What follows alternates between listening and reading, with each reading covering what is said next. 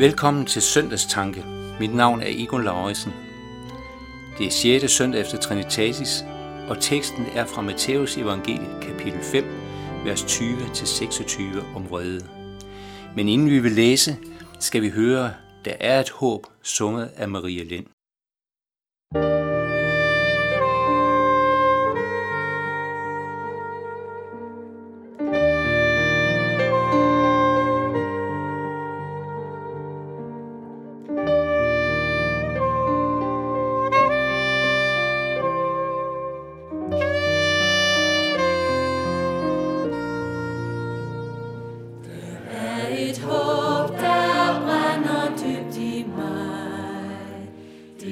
Shiva Kai.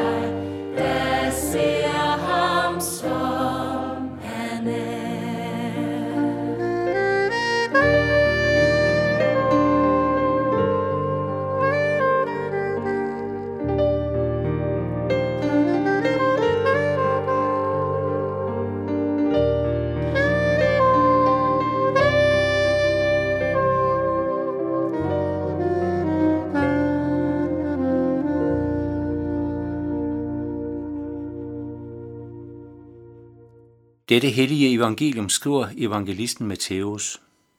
For jeg siger jer, hvis jeres retfærdighed ikke langt overgår de skriftkloges og farisæernes, kommer I slet ikke ind i himmeriget.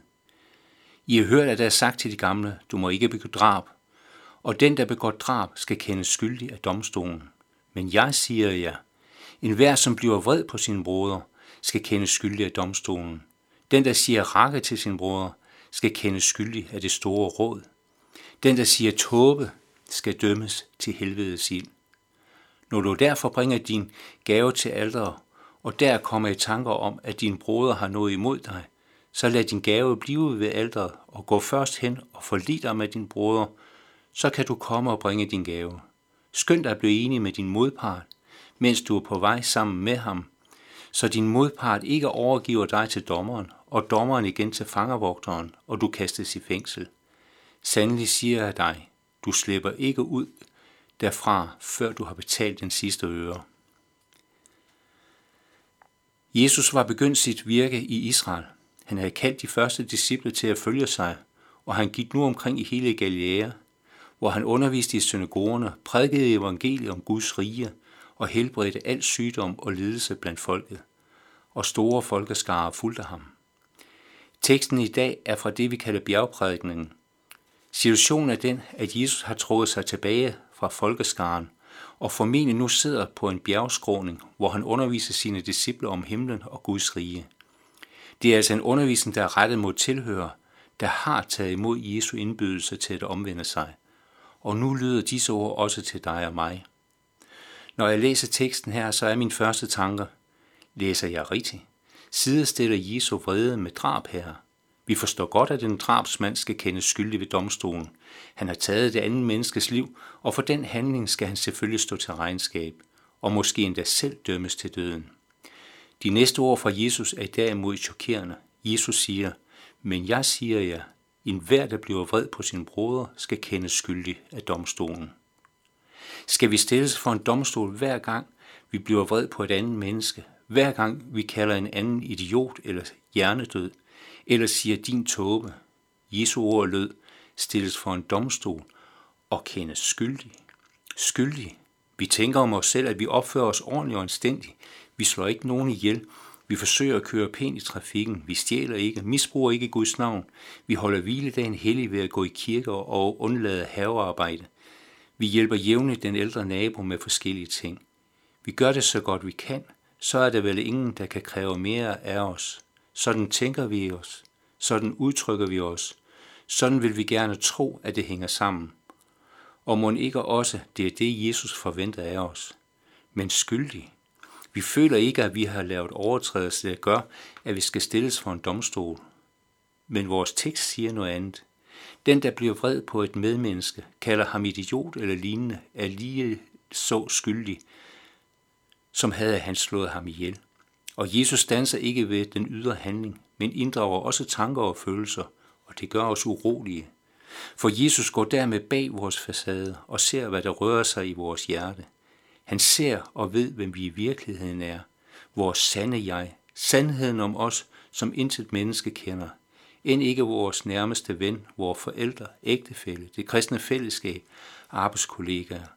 Jesus ser vores onde tanker, ser det fjendskab, der bor i vores hjerte – hvor ofte vi har viljen til at skade et medmenneske med ord og handling, vores lyst til slader, eller glæden over, at noget mislykkes for en, som vi er vred på, tanker om gengæld eller hævn over en, der har spændt ben for mig. Når Jesus her sidestiller vrede med drab, så er det ikke fordi, at der ikke er forskel på at blive vred og slå ihjel. Men Jesus vil afsløre mig, afsløre mit hyggeleri. Det er ikke nok, at jeg i det ydre opfører mig pænt og anstændig.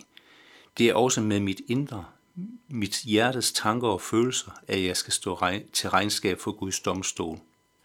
De skriftkloge farisæerne var overbevist om, at de havde gjort alt, hvad der kunne forlanges, og lidt mere.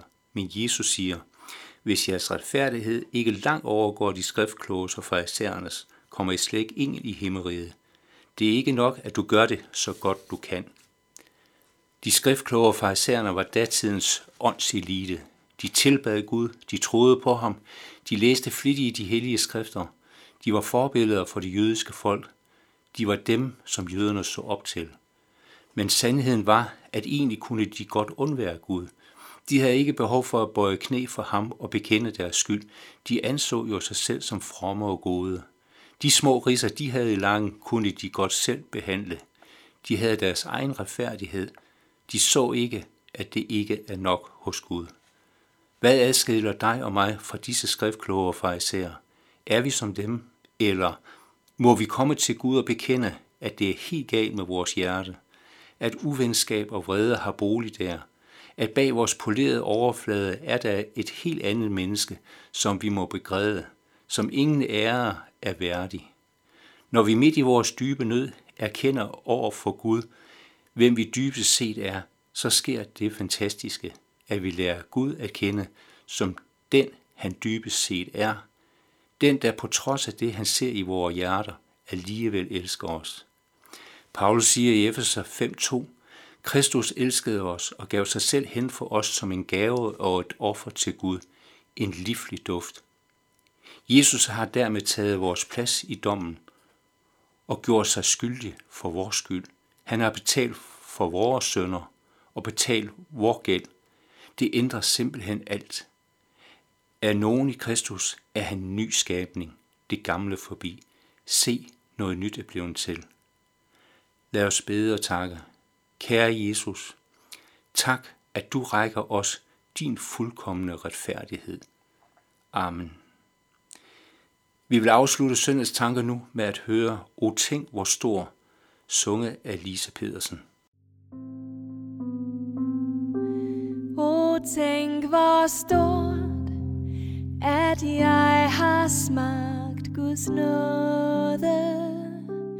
Må tro, at han min synd har fuldt forladt.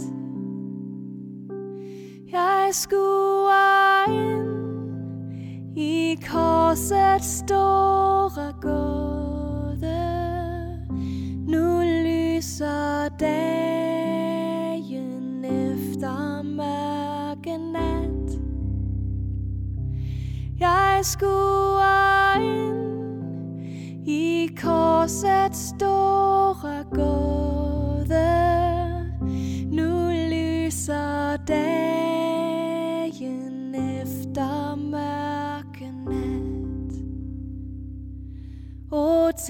hvor stort, nu har jeg fundet hvile. Mit sind er let og fyldt i dybe savn. På Herrens løb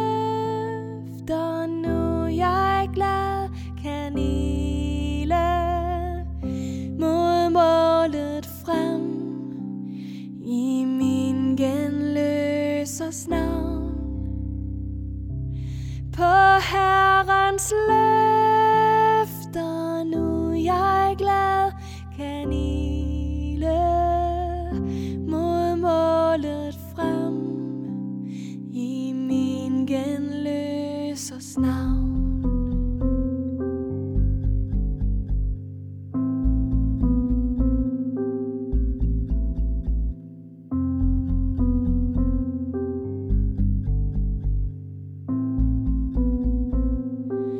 O tænk hvor stor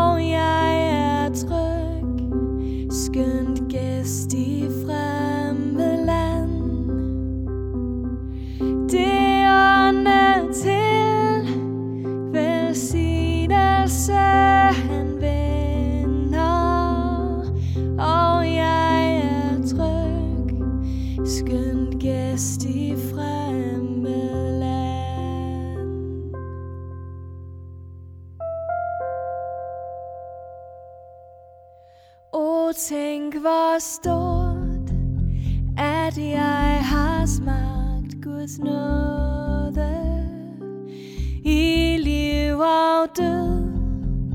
Han er min fred, min skat. Jeg skuer ind i korsets store